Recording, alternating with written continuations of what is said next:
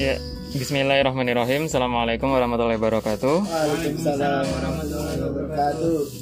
Alhamdulillah binikmatihi tatimmus shalihat. Eh, Alhamdulillah segala puji bagi Allah yang berikan kepada kita berbagai macam nikmat sehingga pada pagi hari ini kita semua dapat berjumpa dalam keadaan yang sehat walafiat. Semoga nikmat yang kita peroleh menjadikan kita hamba yang pandai bersyukur. Salawat beriring salam semoga senantiasa tercurahkan pula kepada Nabi Muhammad Sallallahu Alaihi Wasallam, kepada keluarga beliau, sahabat beliau dan kepada para pengikutnya hingga yaumul qiyamah.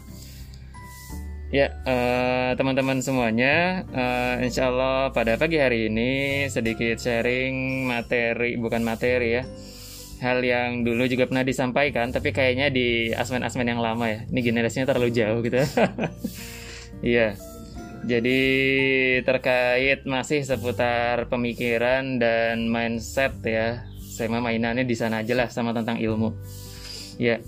Jadi suatu ketika guru saya itu tengah menaiki kereta ya di Jakarta. Kebetulan waktu itu masa-masa awal eh, PMB, penerimaan mahasiswa baru ya. Lagi naik kereta atau bis yang nggak tahu juga ya di Jakarta. Kemudian di sana nggak dengar beberapa anak SMA saling berbicara, anak SMA, anak maba ya, maba saling bicara, cerita-cerita gitu ya. Nah ternyata mereka adalah sahabat yang lama nggak ketemu saat SMA kayak gitu ya. Pas ketemu kemudian saling tanya-tanya gitu kan. Eh lu sekarang kuliah di mana gitu kan? Oh di sini nih di sini gitu. Ada satu orang yang jawab kayak gini. Wah kalau saya di jurusan filsafat. Filsafat. Ngapain lu belajar filsafat katanya? Ya mau gimana lagi ya? Soalnya nggak ada yang nerima gue yang diterima di filsafat akhirnya kayak gitu.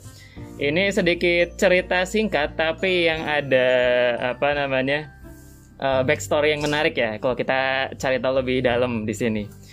Jadi kalau misalnya di Indonesia orang-orang dari filsafat kemudian apa namanya ya ilmu-ilmu yang seperti itu ya isinya orang-orang yang keblinger wajar karena orang yang masuk filsafatnya aja orang yang gak keterima di berbagai macam kampus kayak gitu.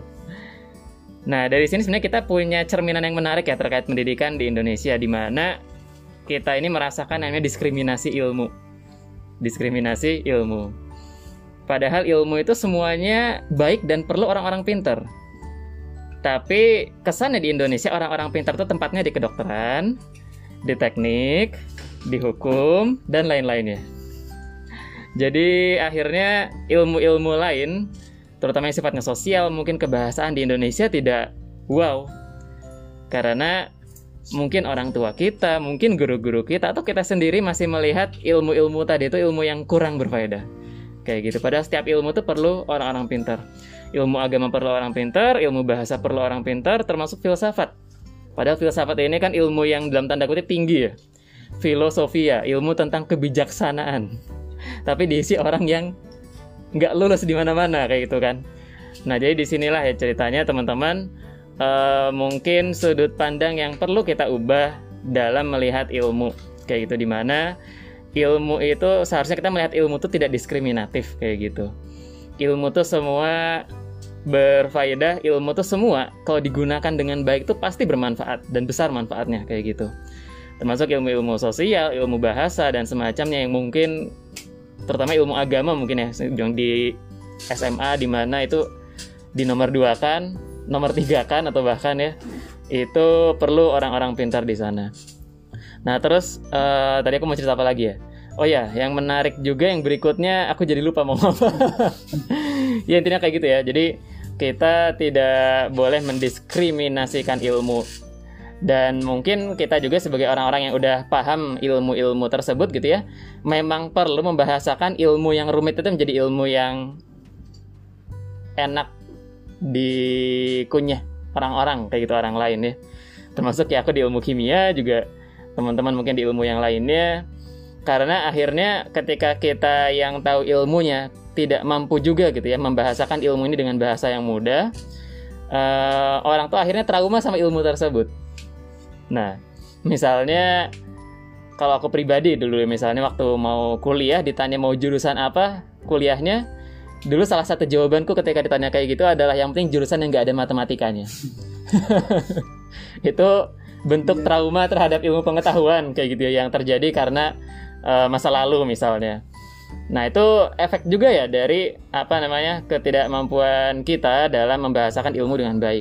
Makanya bisa jadi orang sekarang nggak tertarik sama agama karena ustadz-ustadz sebagian bilangnya pokoknya agama itu haram-haram, kamu melanggar masuk neraka kayak gitu ya. Jadi narasi-narasinya bukan narasi yang menyenangkan gitu untuk dilihat uh, banyak orang. Orang-orang misalnya nggak senang sama hitung-hitungan karena kita membahasakannya juga salah gitu ya. Kalau kemarin karena ngepo Sujiwo Tejo, Sujiwo Tejo nonton TED tuh jadi menarik ya waktu beliau nyampaikan soal matematika. Matematika itu tentang menemukan pola katanya. Uh, kita melihat berbagai macam hal yang kelihatannya beda-beda ternyata punya pola itu yang namanya matematika. Nah, terus yang menarik di akhir pembahasan beliau dari matematikaku kita belajar persamaan di mana-mana di matematika kita tuh ditanya tuh persamaan bukan perbedaan. Oh, makanya kalau misalnya kita sedang hidup dan semacam mari kita fokus bermatematika, fokus mencari persamaan-persamaan di tengah kita. Jangan fokus pada yang beda-beda aja kayak gitu misalnya. Sehingga kita bisa berbineka tunggal ika. Asik, anti radikal banget ya podcast hari ini. Ya itu aja teman-teman mungkin uh, singkatnya dari aku terkait ilmu pengetahuan ya, jangan diskriminatif. Assalamualaikum warahmatullahi wabarakatuh. Waalaikumsalam warahmatullahi wabarakatuh.